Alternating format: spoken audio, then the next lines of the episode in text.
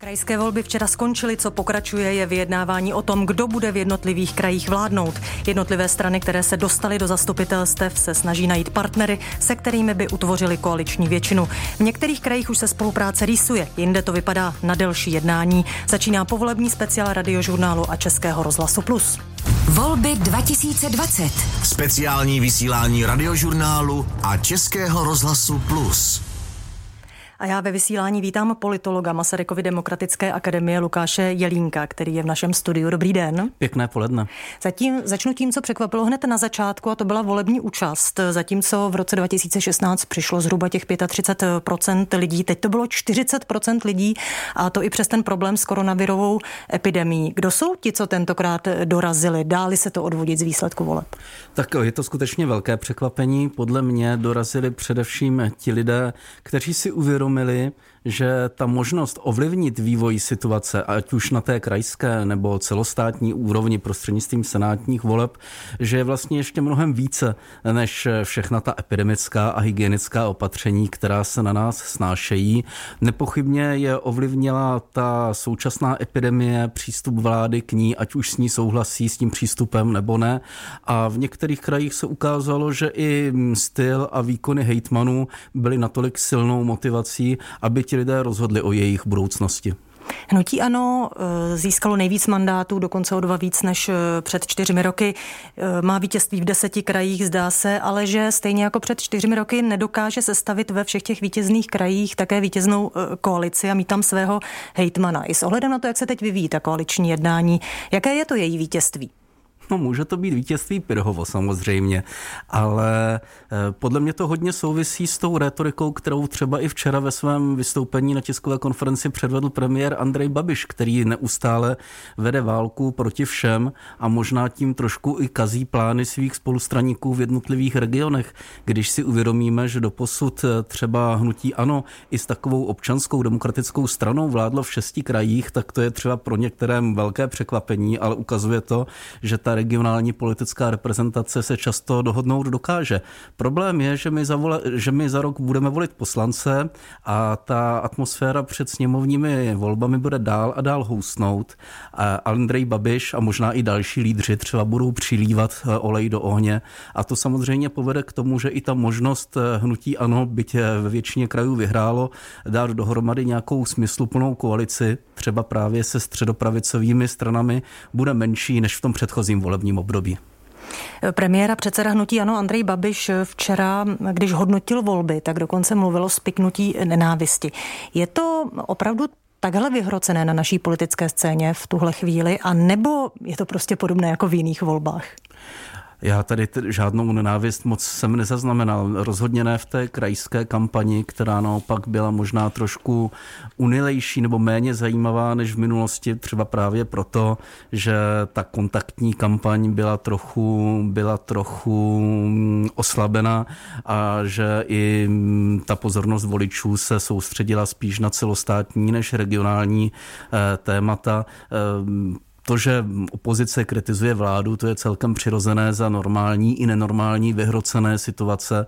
Prostě pokud vláda dělá nějaké chyby nebo dopouští se chaotických kroků, tak je celkem logické nebo přirozené, že nábytky od opozice eh, zaznívají, ale já jsem z nich nikdy neslyšel nějakou nenávist nebo vedení nějakých svatých válek. Eh, to je vždycky to, co naopak má tendenci přiostřovat Andrej Babiš, aby se ukázal jako oběť nějakého speknutí nebo eh, nějakých útoků eh, vnějších sil, eh, což eh, můj zatím v minulosti v těch celostátních volbách vycházelo, ale jak říkám, oslabuje to podle mě pozici regionálních představitelů hnutí ANO a oslabuje to i vyhlídky kandidátů hnutí ANO v tom druhém kole senátních voleb, protože když lídr politického hnutí řekne, mě senát nezajímá, tak potom těžko počítat, že hnutí ANO těch, nevím teď přesně kolik, šest postupujících eh, dokáže efektivně zúročit.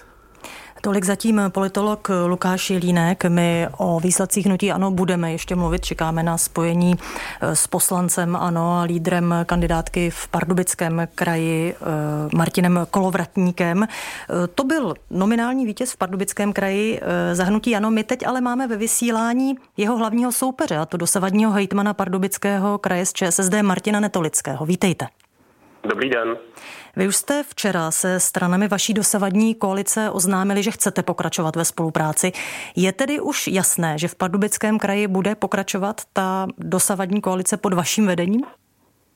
Tak my už jsme podepsali prohlášení, ve kterém eh, máme de facto vůli se dohodnout na další spolupráci pro další období, protože eh, stávající koalice, ani jedna ze stran stávající koalice není mezi eh, poraženými, protože všichni se dostali do zastupitelstva Pardubického kraje a mají velmi respektabilní výsledek, takže dá se očekávat, že základem půdorysu budoucího uspořádání v Pardubickém kraji bude právě ta krajská koalice, která v tuto chvíli končí. S vítězem v Pardubickém kraji tedy hnutím ANO už vůbec jednat eh, nebudete?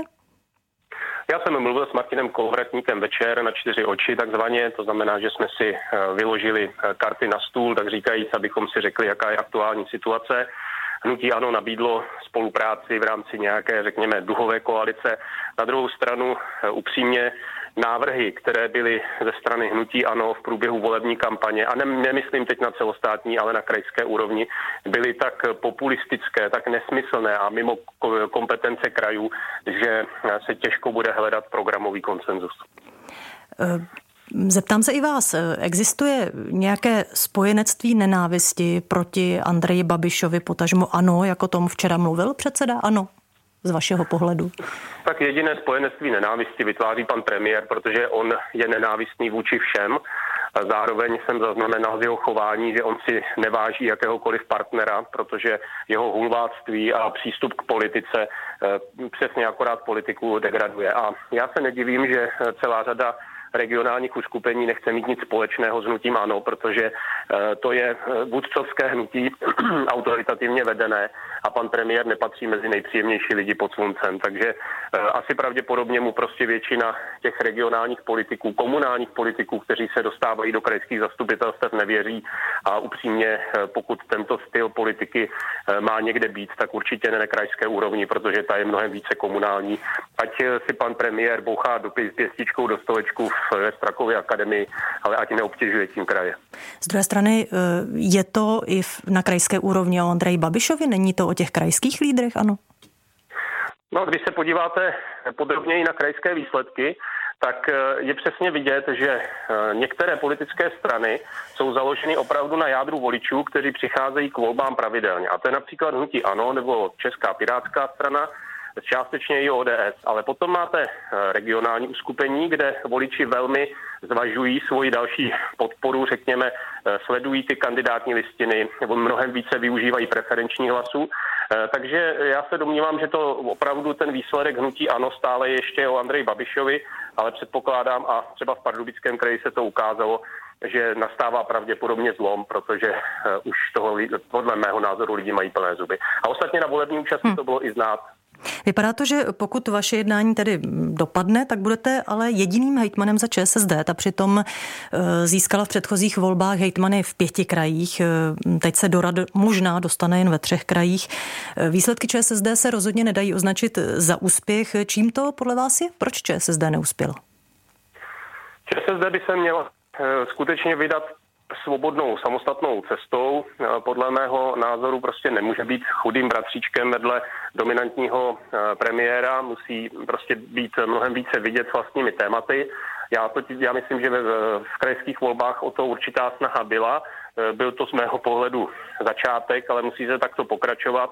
Eh, já bych osobně doporučil eh, určitě otevřít kandidátky nezávislým osobnostem úspěšným v regionech, zapomenout na stranické kandidátky, protože eh, pokud budeme sestavovat kandidátky tak, jak jsme byli zvyklí před deseti lety, tak to určitě k výsledku ve volbách nemůže vést.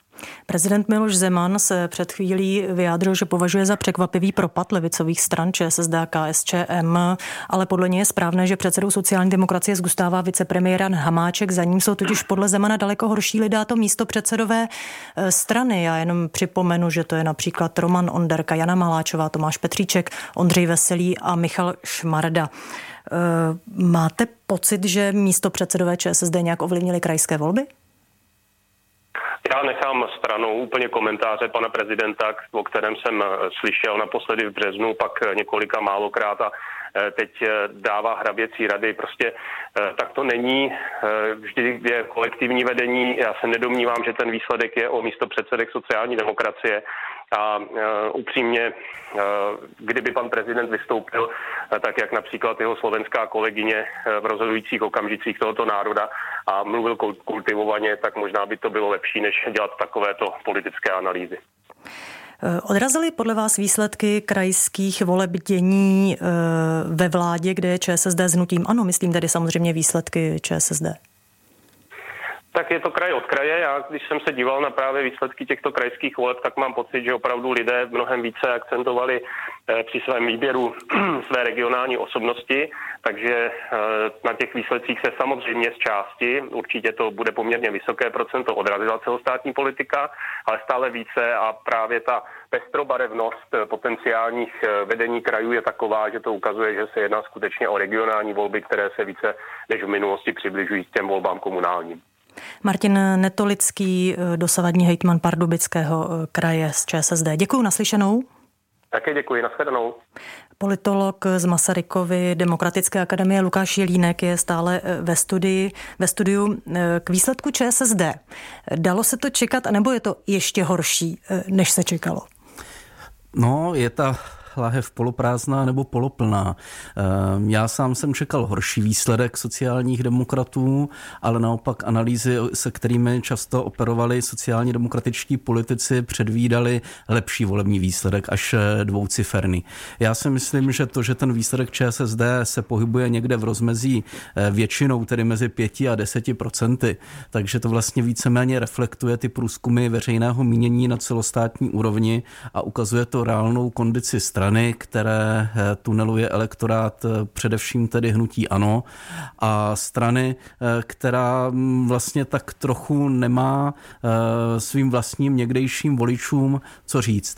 No a tu cestu, o té vlastně už teďka hovořil pan hejtman Netolický, podle mě to otevírání sociální demokracie, nezávislým osobnostem, spolupráci s nejrůznějšími regionálními hnutími, ale třeba i příbuznými politickými stranami, protože tam, kde například na Zlínsku nebo v Královéhradeckém kraji šla ČSSD do voleb se stranou zelených, tak udělala relativně na tu bídu slušný výsledek. No a potom ten další krok, to je samozřejmě zviditelnění té strany na celostátní celostátní úrovni, ale to prostě bez konfliktu s koaličním partnerem eh, nepůjde, protože sice možná voliči dokáží ocenit manažerský přístup Jana Hamáčka v té koronavirové krizi, ale na druhou stranu, když potom v té klíčové předvolební televizní debatě eh, vlastně vystupují premiér a vicepremiér jako bratři v triku, tak eh, v tom okamžiku si samozřejmě logicky volič vybere tu silnější stranu, podle, která podle něj dokáže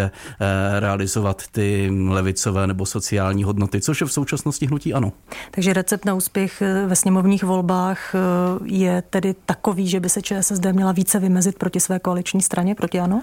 Uh, Určitě. Eh, asi nemá smysl teďka v tuto chvíli rozkládat vládu, to by nejspíš voliči nepochopili.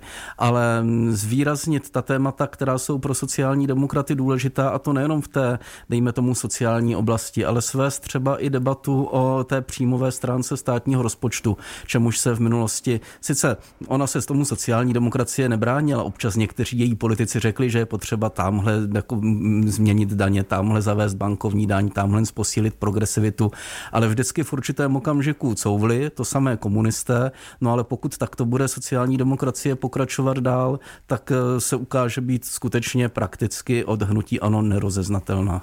Ještě k tomu prohlášení prezidenta Miloše Zemana ptala jsem se už hejtmana Netolického z ČSSD. Eh, ovlivnili nějak místo předsedové eh, ČSSD volby, myslím tady tím ty krajské volby, protože právě o nich mluvil prezident Zeman jako o těch, kteří jsou Eh, horší a neměli by být v čele strany? Tak patrně ovlivnili z titulu své funkce nebo z toho, že, že taky měli na starosti mm, vedení nebo organizaci té volební kampaně, ale já bych to vůbec nedával do souvislosti s tím vyjádřením pana prezidenta. Ten, jak víme, tak po každých volbách volbách rozehrává uvnitř sociální demokracie nějaké hry a ukazuje ty hodné a ukazuje ty zlé. Eh, skoro si myslím, že právě tady tento styl eh, politiky, na který potom často mnozí sociální demokraté naskakují, tak vede k tomu, že sociální demokracie se propadla ze strany, která atakovala 30% hranici až někam k 5%. Volby 2020. A my si můžeme zopakovat, že hnutí ano v krajských volbách vyhrálo v deseti krajích. Zůstává ale otázka, kolik hejtmanů a kolik krajských vlád bude skutečně sestavovat. A my se stále pokoušíme spojit s lídrem Pardubického kraje za ano Martinem Kolovratníkem, který nám přislíbil účast v dnešním eh, volebním speciálu. Zatím se nedaří se s ním spojit. Také si můžeme říct, že v krajských volbách určitě uspěli Piráti, ODS a starostové a nezávislí, kteří získali mnohem více mandátů než před čtyřmi lety a v mnoha krajích krajích se zřejmě budou podílet eh, na vládě. Mým dalším hostem je Eva Lebedová, socioložka, odbornice na politický marketing z Univerzity Palackého v Olomouci. Dobrý den. Dobrý den, teda nejsem socioložka a... Politoložka jsem, raději? Politoložka, pardon. Mhm, dobře, ano. máme Dobrý uvedeno den, oboje. Omlouvám se. Ano. Eh, podle Jana Hamáčka z ČSSD, když jsme teď mluvili o ČSSD, se ty výsledky nedají interpretovat jako prohra vlády. Souhlasíte s tím? Uh, tak s tím bych úplně nesouhlasila, protože v podstatě opravdu, když se podíváme uh, na ty celkové výsledky, tak si myslím, že to jako neúspěch vládní formace vnímat můžeme. A myslím si, že je to i vyjádření určité nedůvěry vůči vládě, a pravděpodobně související i e, s charakterem komunikace vlády v době, v době té pandemické krize. Samozřejmě na druhou stranu subjekt ano tedy obhájil ty pozice v deseti krajích, čili eh, ten neúspěch není jakoby až tak výrazný, jakoby když se na to podíváme na první pohled, ale eh, ono taky hodně bude opravdu záležet i na těch povolebních vyjednáváních a i potom myslím si, že teprve tehdy bude ano eh, konečně zúčtovat, jak tedy vlastně v těch krajských volbách uspělo. Mimochodem mohou hrát v regionálních volbách eh, roli eh, ty symboly typu červený svetr Jana Hamáčka jako šéfa krizového štábu. Eh, a pokud ano, pracovali s nimi strany v té kampani předvolební? Zaznamenala jste nějaký víme. neobvyklý marketingový nápad? Tak my víme, že vizuálně ČSSD jakoby tímto symbolem té koronavirové krize, jak se pracovalo, že opravdu na billboardech se eh, Jan Hamáček podporoval spolu eh, s těmi krajskými eh, kandidáty. Nicméně myslím si, že v té kampani už to působilo trošku uměle. Ono to fungovalo dobře v době té krize, nebo vlastně to vzniklo nějak přirozeně v době, kdy Jan Hamáček byl tady v čele toho krizového štábu ale potom jakoby v té kampani si myslím, že to nějak zvlášť nezafungovalo ve prospěch ČSSD tedy bohužel a mm, ten, eh, ten výsledek ČSSD mm, není při, pro, pro ČSSD není příliš dobrý, byť tedy není tak špatný jako výsledek KSČM, která tedy opravdu je mm, vlastně jako historicky na no, nejhorších jakoby hmm. svých výsledcích. Připomeňme úspěch ANO v těch sociálně slabších regionech eh, v Karlovarském, Ústeckém, nejvýraznější v Moravskosleském kraji. E, přebralo tam tedy definitivně hlasy komunistů a sociálních demokratů. A co udělalo dobře? Proč se jim to povedlo? Určitě ty trendy e, toho, že ano, v řadě krajů jakoby přebírá ten levicový kolektorát, ty trendy tady jsou. E, myslím si, že je to poměrně zřetelné i v Olomouckém kraji například. A samozřejmě z tohoto úhlu pohledu to ano, jakoby dobře komunikovalo, jeho výsledky práce byly poměrně vidět třeba i na sociálních sítích, čili jakoby nepřenechalo tu, pozit, eh, tu pozici třeba těm konkurenčním stranám. Konkrétně v Moravskoslezském kraji, kraji pardon, eh, byl velmi viditelný vlastně hitman. Takže si myslím, že je potřeba tady v tomto ohledu konkrétně vidět i jakousi systematickou práci subjektu ANO v krajích. Skokanem krajských voleb jsou Piráti, kteří sami získali 91 zastupitelů a uspěli v Olomouckém kraji v koalici Sestan. Je to eh, výrazné potvrzení toho, že přestávají být jakousi eh, pražskou eh, stranou, nebo jak čitelní oni v tuhle chvíli jsou? Kdo je jejich přirozený partner? Myslím si, že výsledek Pirátů je obrovským, obrovským úspěchem. Opravdu to znásobení mandátu z 5 na 99 je neskutečné a především opravdu je to znamení, že Piráti mají poměrně velký koaliční potenciál a to vlastně i do těch dalších nadcházejících sněmovních voleb. A tady vlastně v těch krajských volbách se ukázalo i to testování možných typů spoluprací, kde právě třeba v Olomouckém kraji v koalici se starosty to velmi dobře zafungovalo. My vlastně zdat víme, že opravdu uh, Piráti spolu se starosty jakoby z hlediska elektorátu se poměrně dobře doplňují, protože Piráti jsou silnější eh, ve městech větších a naopak zase vlastně starostové mají ten elektorát ukotvený eh, třeba na venkově nebo také třeba jsou silní eh, v českých regionech, některých českých jakoby, městech. Takže tady to jako to spojení docela funguje a důležité také je, že vlastně ani jeden z těch subjektů si jakoby nevadí z hlediska hodnot a z hlediska ideologie a vnímají to podobně i voliči. Eva Lebedová, politoložka z Univerzity Palackého v Olomouci. Děkuji vám za čas. Naslyšenou. Děkujem. Naschledanou. Volby 2020. Ve středu Českém kraji propadli zástupci dosavadní koalice hnutí Ano vedené hejtmankou Jaroslavou Pokornou Jermanovou skončilo až třetí. Sociální demokraté se do středu Českého krajského zastupitelstva vůbec nedostali. Stejně dopadli i komunisté, kteří koalici těchto dvou stran podporovali svými hlasy. Lídrně vítězného hnutí stan Petra Pecková vyjednává o sestavení nové koalice s ODS, Piráty a TOP 09. A právě Petra Pecková je s námi teď ve spojení. Dobrý den. Dobrý den, zdravím vás. Jednali jste i dnes dopoledne, tak už je hotovo? Ne, ne, ne, to je mílka. Jednali jsme včera až do večera. Ukončili jsme to jednání přesně v 10 hodin, kdy jsme museli opustit restaurace, protože dodržujeme vládní nařízení. Takže dnes jste ještě nejednali. A, a, a dnes jsme ještě nejednali, budeme jednat až v odpoledních hodinách. No ono už z těch předvolebních debat šlo docela dobře vidět, eh, že si rozumíte, nebo stan, že si rozumí s ODS. Jak složité je najít třeba souhru i s Piráty, kteří jsou ve středočeském zastupitelstvu eh, nováčky? A tak já jsem v průběhu celého toho volebního klání uh, otevřeně říkala voličům, že uh, ti, se kterými si dokážeme tu koalici představit, je ODS, jsou to Piráti a je to TOP 09. A uh, vlastně uh, teď máme možnost splnit i vůli voličů, protože tak uh, jsou ty karty rozehrány, pak je tam ještě ODS, uh, pak je tam ještě ANO a já bych byla hrozně ráda, abychom vytvořili širokou koalici, uh, kdy ANO tedy zůstane v opozici a včera jsme už uh, společně jednali opravdu všichni všichni, to znamená ODS, Piráti a spojenci, kde je tedy TOP 09 eh, plus eh, hlas plus strana zelených. Takže um, ta vyjednávání včera vypadala nadějně, ale byla opravdu pouze jenom obrysově o tom, zda jsme společně schopni uh, utvořit koalici a vzájemně spolupracovat. A to vypadalo velmi bezproblémově zatím. No jak si rozdělíte role s Martinem Kupkou, výraznou postavou ODS nejen ve středočeském kraji? Vy už jste předeslala, že byste zřejmě měla být hejtmankou? Tak hnutí stan vyhrálo ty volby, hmm. získali jsme zhruba o 10 tisíc hlasů více než ODS, byť uh, Martin Kupka byl tedy um, samozřejmě skokanem z hlediska preferenčních hlasů.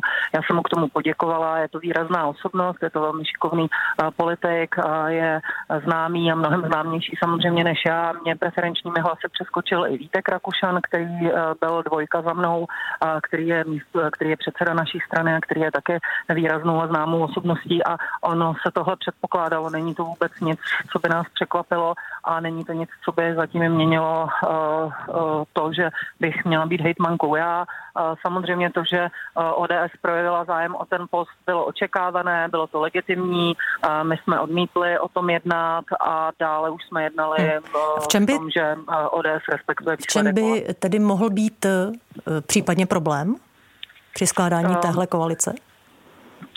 Já zatím ani slovo problém nechci používat. Já vždycky jsem životní optimista eh, a vidím vždycky eh, možnost eh, schody a jsem ochotná ty kompromisy hledat a já doufám, že se domluvíme, že problém nebude žádný. Petra Pecková, lídrině vítězného hnutí stan ve středu Českém kraji. Děkuji vám, naslyšenou. Já děkuji vám a zdravím všechny posluchače. Hezkou neděli. A politologa Lukáše Jelínka se zeptám, co je podle něj hlavní e, příčinou e, neúspěchu ANO a úspěchu stan ve středočeském kraji? A teď nemáme úplně čas vyjmenovávat ty problémy ANO, které se kupili ve středu Českém kraji. Tak já zmíním dvě věci. Jednak to, že eh, střední Čechy jsou vlastně velmi blízko Praze a ta eroze eh, podpory hnutí ANO, kterou jsme v minulosti zaznamenali v Praze, se do, do těch středních Čech začala podle mě přelívat a bude zajímavé sledovat, jestli, ne, jestli tady ten přeliv nebude postupně pokračovat i do dalších krajů. No ale potom ta druhá věc, ta souvisí s tím, co vy jste naznačila. To jsou ty nejrůznější skandály a aférky dosluhující středočeské hejtmanky, která navzdory svému jménu se nijak zvlášť pokorně nechovala. A myslím si, že to ukazuje ten fakt, že prostě i v těchto volbách, byť ta celostátní témata často ta eh, regionální témata překryla, tak přesto dokázali voliči eh, zohledňovat výkon jednotlivých hejtmanů a jejich styl. Ať už je to třeba paní Jermanová Pokorná ve středních Čechách, pan Čunek na Zlínsku, anebo naopak eh, velmi úspěšný liberecký hejtman Půta. Není ten volební výsledek, eh, ano, ve středních Čechách 18% zhruba, vlastně jen o 2% méně než před čtyřmi roky, vlastně eh, docela mm, příjemným překvapením. Takhle to interpretoval i premiér Babiš? Um, ano, tak z tohoto hlediska to příjemné překvapení je. Ten problém je, že třeba ten styl a výkony paní hejtmanky Pokorné Jermanové zjevně nastartovali celou řadu voličů, kteří by třeba jinak k těm volbám nešli nebo by volili, volili nějaké menší strany, aby volili tu, ty hlavní vyzivatele hnutí ANO. A odtud ten výrazný úspěch eh, jak hnutí stan, tak eh, občanských demokratů, eh, pro které je to vlastně i určitá testovací laboratoř možné spolupráce třeba i na celostátní úrovni. Ještě krátce má podle vás hnutí stan potenciál výrazný úspěch teď i ve sněmovních volbách. Je ten jeho úspěch v krajských volbách přenositelný na celostátní úroveň? No v jejich případě to je velmi obtížné, protože to hnutí není ještě úplně programově mm, pravolevě vyprofilované, ale na druhou stranu se v něm urodili některé významné významné osobnosti a samotní starostové a nezávislí si uvědomují, že pro ně je důležité vyzkoušet nejrůznější modely politické spolupráce s jinými partnery. Eh, je vidět, že si dokážou porozumět s Piráty, jak to ukázali například v Olomouckém kraji, Plzeňském kraji, zdá se, že si docela rozumí i na Vysočině. V Královéhradeckém kraji nebo ve středních Čechách se jim daří relativně spolupráce nebo komunikace s ODS a to si myslím, že může zvyšovat i jejich přitažlivost pro voliče v tom celostátním měřítku. Lukáš Jelínek, politolog. Také na Jižní Moravě začala vznikat nová koalice jen pár hodin po sečtení hlasů. Na vedení kraje chtějí spolupracovat lidovci, Piráti, ODS a hnutí starostové pro Jižní Moravu. Detaily k povolebním vyjednáváním v kraji nám teď přidá reportérka Hana Floriánová. Dobré odpoledne. Paní Floriánová, slyšíme se? Ano, dobrý den, slyšíme se. Výborně. Koalice v tomhle složení znamená, že hnutí ANO ve vedení kraje nebude, přestože volby vyhrálo. Jak eh, strany nově, vznikají koali- nově vznikající koalice tu spolupráci v takové podobě zdůvodnili? No tak lídři všech čtyř uskupení předstoupili včera před novináře eh, kolem 8 hodiny večer, ale ta samotná jednání začala už zhruba o 3 hodiny dřív. To znamená, že ta dohoda vznikala opravdu poměrně rychle. Eh, strany včera už dokonce i podepsali memorandum o té další spolupráci. To spojení se podle nich jevilo jako logické, třeba lidovce podle jejich lídra vítězné ano k jednání včera vůbec nevyzvalo a následně tedy začala vznikat tahle koalice. Jde navíc o strany, které mají poměrně vyrovnaný počet získaných mandátů, to znamená, že by měli i rovnocenou pozici v krajské radě. Hejtmanem by měl být lídr lidovců Jan Grolich, zbylé tři strany pak získají každá jednoho náměstka. A tahle koalice v této podobě by měla pohodlnou nadpoloviční většinu 37 mandátů z celkových 65. No pro ano by to znamenalo odchod do opozice, jak na to reagoval dosavadní hejtman Šimek. Bohumil Šimek včera ten výsledek komentovat nechtěl, velice brzy odešel i z volebního štábu Hnutí Ano.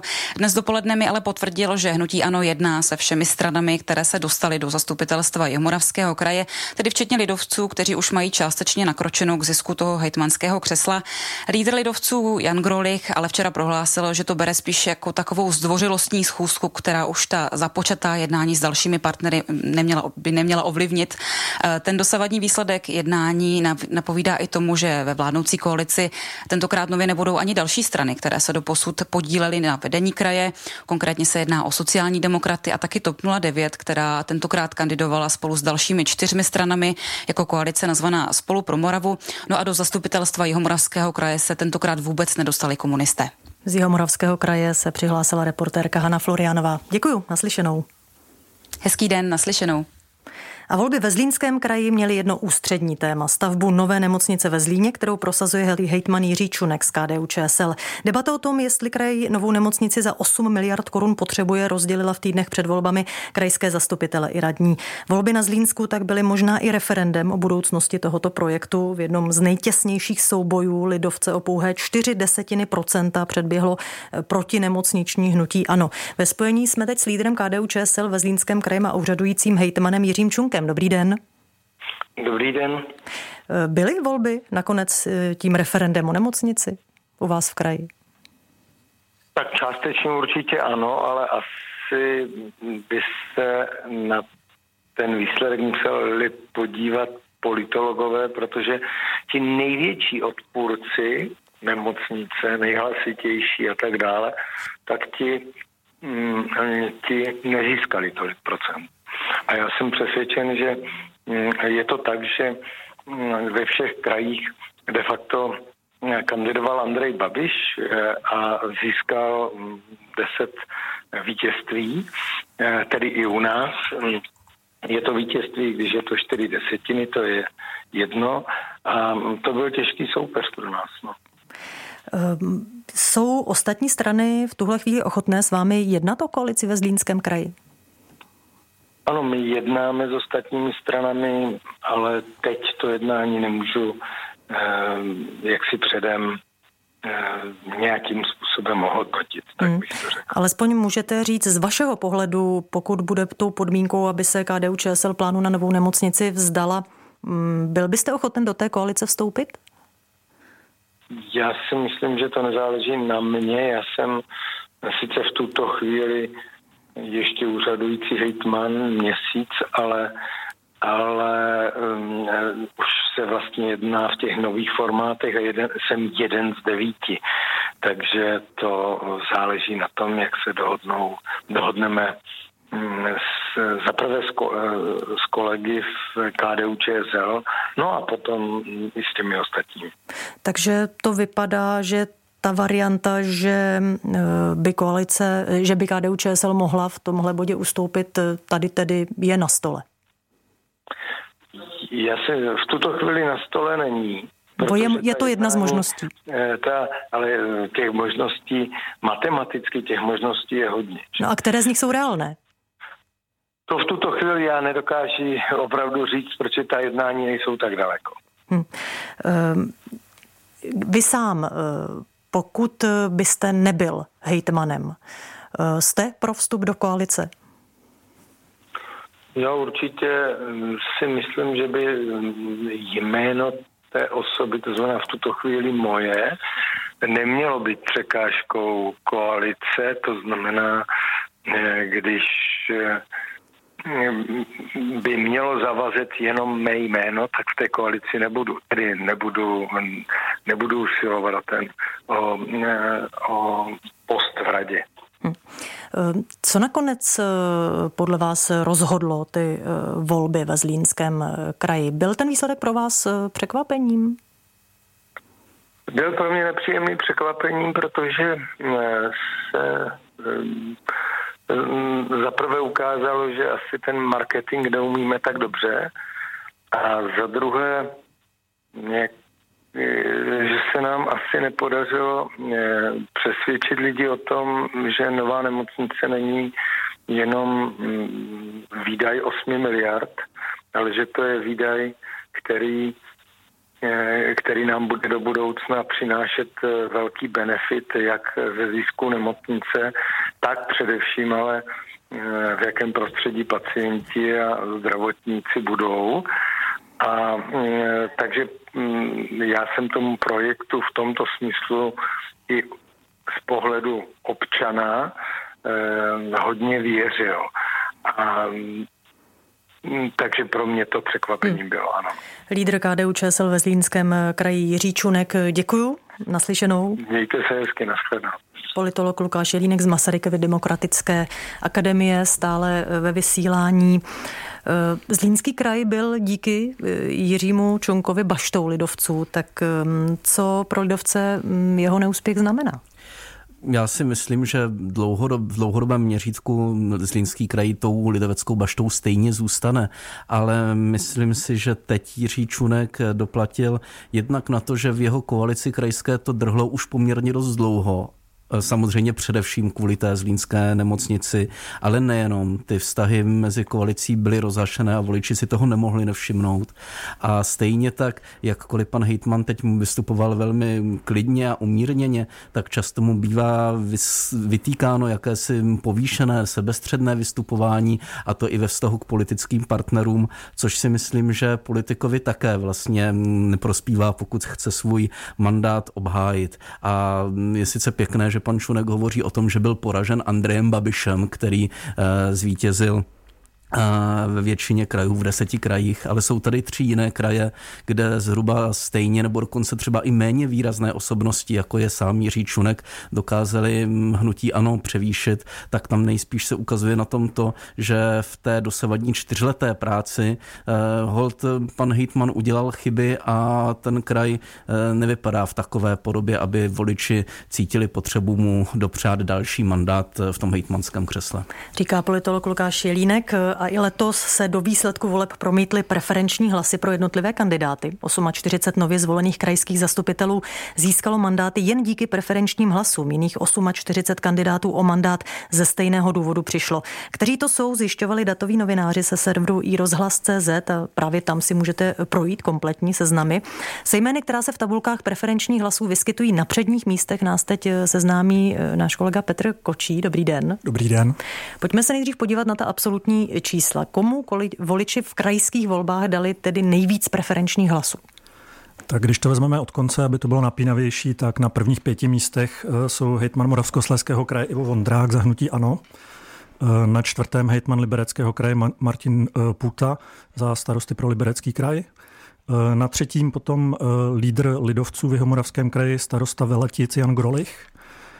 Na druhém místě je poslanec a předseda hnutí stan Vít Rakušan, který díky preferenčním hlasům překroč, eh, přeskočil krajskou jedničku eh, Petru Peckovou a absolutním vítězem je poslanec eh, a starosta Líbeznic ve, ve středočeském kraji Martin Kupka z ODS. Ten má s preferenčními hlasy eh, zkušenost už eh, z parlamentních voleb, kdy vlastně v roce 2017 po přepočtení, po té, co se zjistilo, že při sčítání se dopustili někteří komisaři chyby, tak na poslední chvíli ještě získal poslanecký mandát. A vlastně všichni jmenovaní až na Ivo Vondráka získali více než 10 000 preferenčních hlasů, ale to číslo je trochu zkreslené tím, že ne všechny kraje mají stejný počet voličů. Eh, Moravskosleský a středočeský kraj jsou ty dva nejlidnatější, proto tam také mají v tom žebříčku více zástupců. No a jaké jsou ty výsledky, pokud právě zohledníme velikost jednotlivých krajů?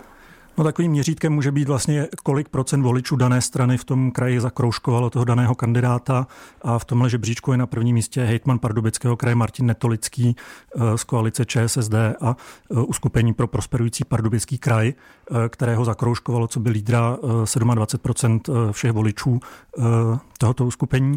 Na druhém místě je potom hejtman Zlínského kraje Říčunek, kterého jsme před chvílí slyšeli a na třetím místě předseda KDU ČSL Marian Jurečka. Eh, zase to ale dochází k drobnému zkreslení, protože všichni jmenovaní byli lídry svých kandidátek, čili ty preferenční hlasy eh, je vlastně neposunuli do zastupitelstev, ale pouze pojistili ta jejich místa proti případně populárnějším spolukandidátům. No a když teď odhlédneme od těch zakroužkovaných lídrů, tak kdo a kde by se bez kroužků do toho krajského zastupitelstva neprobojoval a teď v něm nakonec usedne? Tak eh, ze známých jmen je to například poslanec KDU ČSL Stanislav Juráček, předseda Senátu Miloš Vystrčil z ODS nebo bývalý uh, hejtman Michal Hašek z ČSSD. Uh, vůbec uh, Největším skokanem těchto voleb, který postoupil z 34. místa kandidátky, je senátor Ivo Valenta, který kandidoval jako nezávislý za koalici Trikolory, soukromníků a nezávislých a který také v Uherském hradišti postoupil z prvního místa do druhého kola senátních voleb. A ještě mm, tě poprosím o pár jmen těch, kteří logicky kvůli preferenčním hlasům jiných museli o mandát přijít. Jsou mezi nimi nějaká známá jména? Tak asi celostátně nejznámější jméno je ministrině práce a sociálních věcí eh, Jana Maláčová, které ani 924 preferenční hlasů ke zvolení nestačilo.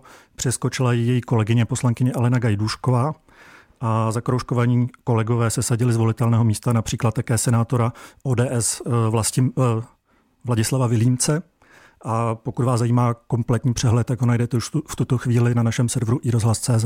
Říká datový novinář Českého rozhlasu Petr Kočí. Děkuji, naslyšenou. Naschledanou. Volby 2020. Nevolilo se jen do krajů, ale také do Senátu. Ve většině senátních obvodů, kromě jediného, ale proběhne ještě druhé kolo voleb. I přesto je ale už jasné, že Senát zůstane komorou spíše středopravou. Nejvíc senátních křesel obhajovala sociální demokracie 10, do druhého kola ale postoupili jen tři její kandidáti. Nejvíc kandidátů v druhém kole 10 má ODS, která obhajovala dva senátorské posty. Následují Stan, Ano a KDU ČSL. Průměrná volební účast v letošních senátních volbách byla 36,7%. Jediným senátorem, který byl zvolen v prvním kole, je Zbigněk Linhardt, který kandidoval na Děčínsku jako nestraník s podporou stan a starostů pro liberecký kraj. Získal skoro 53% hlasů a obhájil tak svůj senátorský mandát a to hned v prvním kole. A právě Zbigněk Linhardt je teď mým dalším hostem. Dobrý den. Hezké poledne. Tak čím si ten svůj úspěch vysvětlujete? Slyším, že tam máte veselo. Nemám veselé, já jsem v Praze, už zase pracuju. Já to vysvětluji tím, že prostě lidi pochopili a voliči pochopili to, že tak jako v předchozích 20 letech eh, prostě pracuju na radnici, dělal jsem 20 let starostu, místo starostu města Krásná Lípa, dělal jsem to naplno a slíbil jsem, že pokud budu zvolen před 6 lety, tak eh, opustím post eh, starosty a budu se naplno věnovat práci senátora. To taky jsem dělal a snažil jsem se v maximální možné míře dělat práci senátora naplno jak v regionu, tak v Praze. Já jsem rád, že lidé si toho všimli a chtěl bych za to poděkovat. No často se říká, že ta senátní práce není právě u lidí příliš viditelná. Tak jaké bylo to vaše hlavní volební téma? Co jste voličům nabízel? Ano, samozřejmě, když děláte starostu, tak když na něčem pracujete, tak vidíte za sebou postavený chodník, dům, hřiště. To se na to neplatí. Je to samozřejmě jako složitější, protože hlavní náplň té práce je opravdu v Praze a člověka pak v regionu nevidí. A tím, jak opustíte tu funkci, právě tu původní třeba toho starostu, tak o to méně je o vás slyšet. Takže je to složité. Já jsem se ale kromě té práce, která je hlavně v Praze, snažil přenášet ty problémy, které u nás jsou a my jsme trochu zvláštní region příhraničí, nejsevernější Čechy, šluknosti výběžek s mnoha specifickými problémy a já, protože tam celý život žiju a i nadále jsem tam, takže vnímám problémy, které nás tam tíží a dokážu, doufám, že to taky lidi vlastně i chápali, je přenášet i na tu celostátní úroveň. S tím, že eh, dobře pochopili, že nejsem gubernátor, nejsem hejtman, nejsem prostě výkonná jednotka, nejsem exekutiva, takže nemám to v pravomoci, ale ale snažím se zaprvé ty témata otvírat, nějak na ně apelovat příslušné ministry a další a minimálně koukat na ty problémy pohledem uh, z problémů toho regionu. Váš Děčín je tedy, váš obvod je Děčín, tak eh, kdybyste měl jmenovat dva hlavní problémy, které jste takhle komunikoval třeba i v Senátu? Ohromná nedostupnost základních veřejných služeb, jako je zdravotnictví a třeba školství. Hmm. Myslím, že v tom je velký rest. A obecně eh, občanská vybavenost a malá obcí, teda myslím, a malá, malé možnosti eh, dobré, dobrého výdělku, uplatnění, především pro mladé a vzdělané lidi, čili velký problém je eh, a celého ústeckého kraje je vlastně vylidňování regionu, především od mladých a vzdělaných lidí. Hmm. Ještě poslední věc z vaší zkušenosti. Rozumí voliči roli Senátu? Tak samozřejmě není to jako u starosty, kde na něj přímo vidí, tak eh, úplně samozřejmě nerozumí s, s debatou, při debatách s lidma se o tom přesvědčují dnes a denně. A myslím si, že ta rozumnější část dokáže odhadnout, co, co je práce senátora na té oficiální úrovni v Praze, to, co vlastně má plnit eh, funkci eh, Senát jako takový a myslím si, že dokáží vlastně odlišit to, že člověk také dělá ty, prá- ty, ty věci neformální, to znamená tu práci v regionu, otvírat témata, otevírat dveře a, a snažit se, já jsem to dělal hodně ve spolupráci se starosty celého toho regionu, otevírat problémy těch, toho regionu samotného. Hm. Říká Zbigněk Linhardt, senátor ze SLK a e, Stan, který už v prvním kole obhájil svůj senátorský mandát. Děkujeme za váš čas, hezký den. Díky, hezký den. A politolog Lukáš Jelínek s námi stále ve studiu. I pokud jde o senátní volby, tak největší propad zaznamenala ČSSD. Ta obhajovala 10 mandátů do druhého kola, ale postoupili jen tři její kandidáti. I kdyby všichni uspěli, tak za současného 13 členého klubu je, ze současného 13 členého klubu je šestičlený klub. Minimální počet členů senátorského klubu je pět. Tak jak bolestivá ztráta to pro stranu může být? Hodně bolestivá. Mimochodem pro ty politické strany, které neuspěly, je to nejenom často ztráta politických mandátů nebo osobností, ale i finanční ztráta, protože se samozřejmě na to vypá, váží vyplácení příspěvku ze státního rozpočtu. V případě sociálních demokratů se dalo očekávat, že ztratí velmi hodně senátních mandátů. Vlastně ten výsledek není žádným zvláštním překvapením, ale já se obávám, že skutečně ČSSD hrozí reálná ztráta senátorského klubu. Eh, dokonce si myslím, že i přes eh, ten vyšší počet postupujících to hrozí i druhé vládní straně, hnutí ANO. A myslím si, že to může mít vláda po tom druhém kole senátních voleb velmi obtížné s prosazováním svých eh, záměrů v horní parlamentní komoře. Nejúspěšnějšími stranami eh, toho prvního kola voleb do Senátu jsou ODS a Stan. Při obhajobě eh, dvou mandátů postoupilo 10, respektive 8 jejich kandidátů do druhého kola. Stan má navíc, jak už jsme říkali, jednoho přímého zvoleného kandidáta. Eh, jak moc to posílí jejich pozice, pokud jde o celostátní politiku? Jak se tady Senát promítá do celostátní politiky? Uh jak kdy? My jsme viděli v těch posledních měsících třeba na politických vystoupeních předsedy Senátu Miloše Vystrčila, že předseda Senátu může být politickým hráčem, který rozjíždí politická témata, udává tempo a dokáže přitáhnout na sebe pozornost veřejnosti. Myslím si, že podobným způsobem ty středopravicové strany v případě úspěchu v tom druhém kole budou postupovat také, aby ukázali Senát jako líheň některých svých politických osobností, naopak některé politické osobnosti se eh, stahují jakoby z poslanecké sněmovny eh, do těch senátních hlavic. Já když jsem si dělal takovou mal, takový malý přehled těch soubojů ve druhém kole, tak eh, ODS patrně bude moci především bodovat na úkor svých soupeřů z hnutí ANO, ale ze všeho nejlepší pozici podle mě mají starostové a nezávislí. Mimo jiné proto, že dokáží vytipovávat právě osobnosti, jako je pan starosta Linhardt, prostě výrazné regionální osobnosti, lidi, kteří už mají nějakou vybudovanou pověst ve svých regionech a když se jim vlastně ještě poskytne nějaká politická celostátní náplň a nějaké krytí Eh, silnou značkou, kterou se třeba v současnosti začínají starostové a nezávislí stávat, tak v tom okamžiku je to velmi eh, dobrá vyhlídka vlastně i na to uplatnění eh, v horní parlamentní komoře. No oběma stranám, jak stanu, tak ODS jde i o to, kdo bude mít ten nejsilnější klub v Senátu a tím tedy také předsedu Senátu. Tak pro koho je to podstatnější, pro koho je to v tuhle chvíli důležitější mít toho předsedu? No skoro bych řekl, že je to asi důležitější pro občanské demokraty, kteří chtějí být tím lídrem pravicové opozice a chtějí to ukázat, zatímco starostové a nezávislí tady takto velkou ambici eh, nemají. Ale možná tím spíš by se jim hodilo, kdyby na to předsednické místo dosáhli, třeba i proto, aby proměnili trochu ten český senát. Eh, ono je to téma na samostatnou diskuzi, jestli by měl být reprezentantem více těch regionálních témat nebo tou legislativní pojistkou, ale nepochybuju o tom, že reprezentanti starostů a nezávislých by určitě více sázeli na tu regionalizaci a kdyby mohli dosáhnout na místo předsedy Senátu, tak by patrně i to fungování horní parlamentní komory doznalo určité změny, při nejmenším v té mediální, eh, v té mediální prezentaci. Ještě krátce k vládní koalici, ta bude mít v Senátu výrazně eh, slabší pozici, tak ehm, znamená to něco podstatného pro ten eh, poslední předvolební rok? No při nejmenším si musí vláda uvědomit, že ty legislativní předlohy, které bude chtít ještě mm, prosadit, tak je musí nachystat včas, protože Senát je často bude vracet a bude se to týkat nejenom věcí, které souvisí s koronavirovou epidemií a s pomocí české e, ekonomice, ale vlastně s čímkoliv dalším.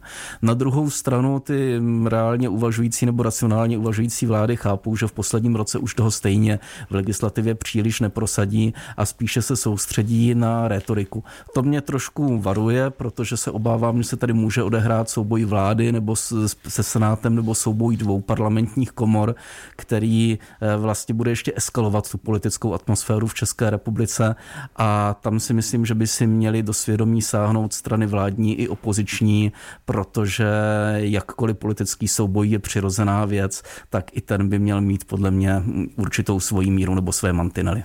Máme poslední minutu našeho volebního speciálu, tak kdybychom se měli teď podívat na to, co napovídají ty výsledky eh, těchto voleb, pokud jde o volby do sněmovny v příštím roce tak dá se předpokládat eh, to, že hnutí ano bude mít velkou ambici znovu obhájit svoji pozici a zdá se, že to vystupování Andreje Babiše v té celostátní rovině tady k tomu dokáže eh, přispívat. Tedy samozřejmě je otázka, jak moc bude vláda zvládat tu koronavirovou situaci, ale zároveň je vidět, že se jí rodí velmi silní soupeři, jednak v občanských demokratech, ale také v Pirátech. Oni sice možná jsou vnímáni jako skokaní krajských voleb, ale v těch sněmovních můžou udělat na svoji značku třeba ještě lepší výsledek než v těch volbách krajských a tam se klidně může do budoucna stát, že se zopakuje ta situace jako v krajích, že zkrátka někde může už vznikat nápad, jak vyšachovat hnutí ano eh, i v případě, že by ty volby do poslanecké sněmovny vyhrálo. Říká politolog Lukáš Jelínek z Masarykovy demokratické akademie. Já děkuji, že jste byl s námi ve vysílání naslyšenou. Já děkuji za pozvání, hezkou neděli. Takový byl volební speciál radiožurnálu a Českého rozhlasu Plus.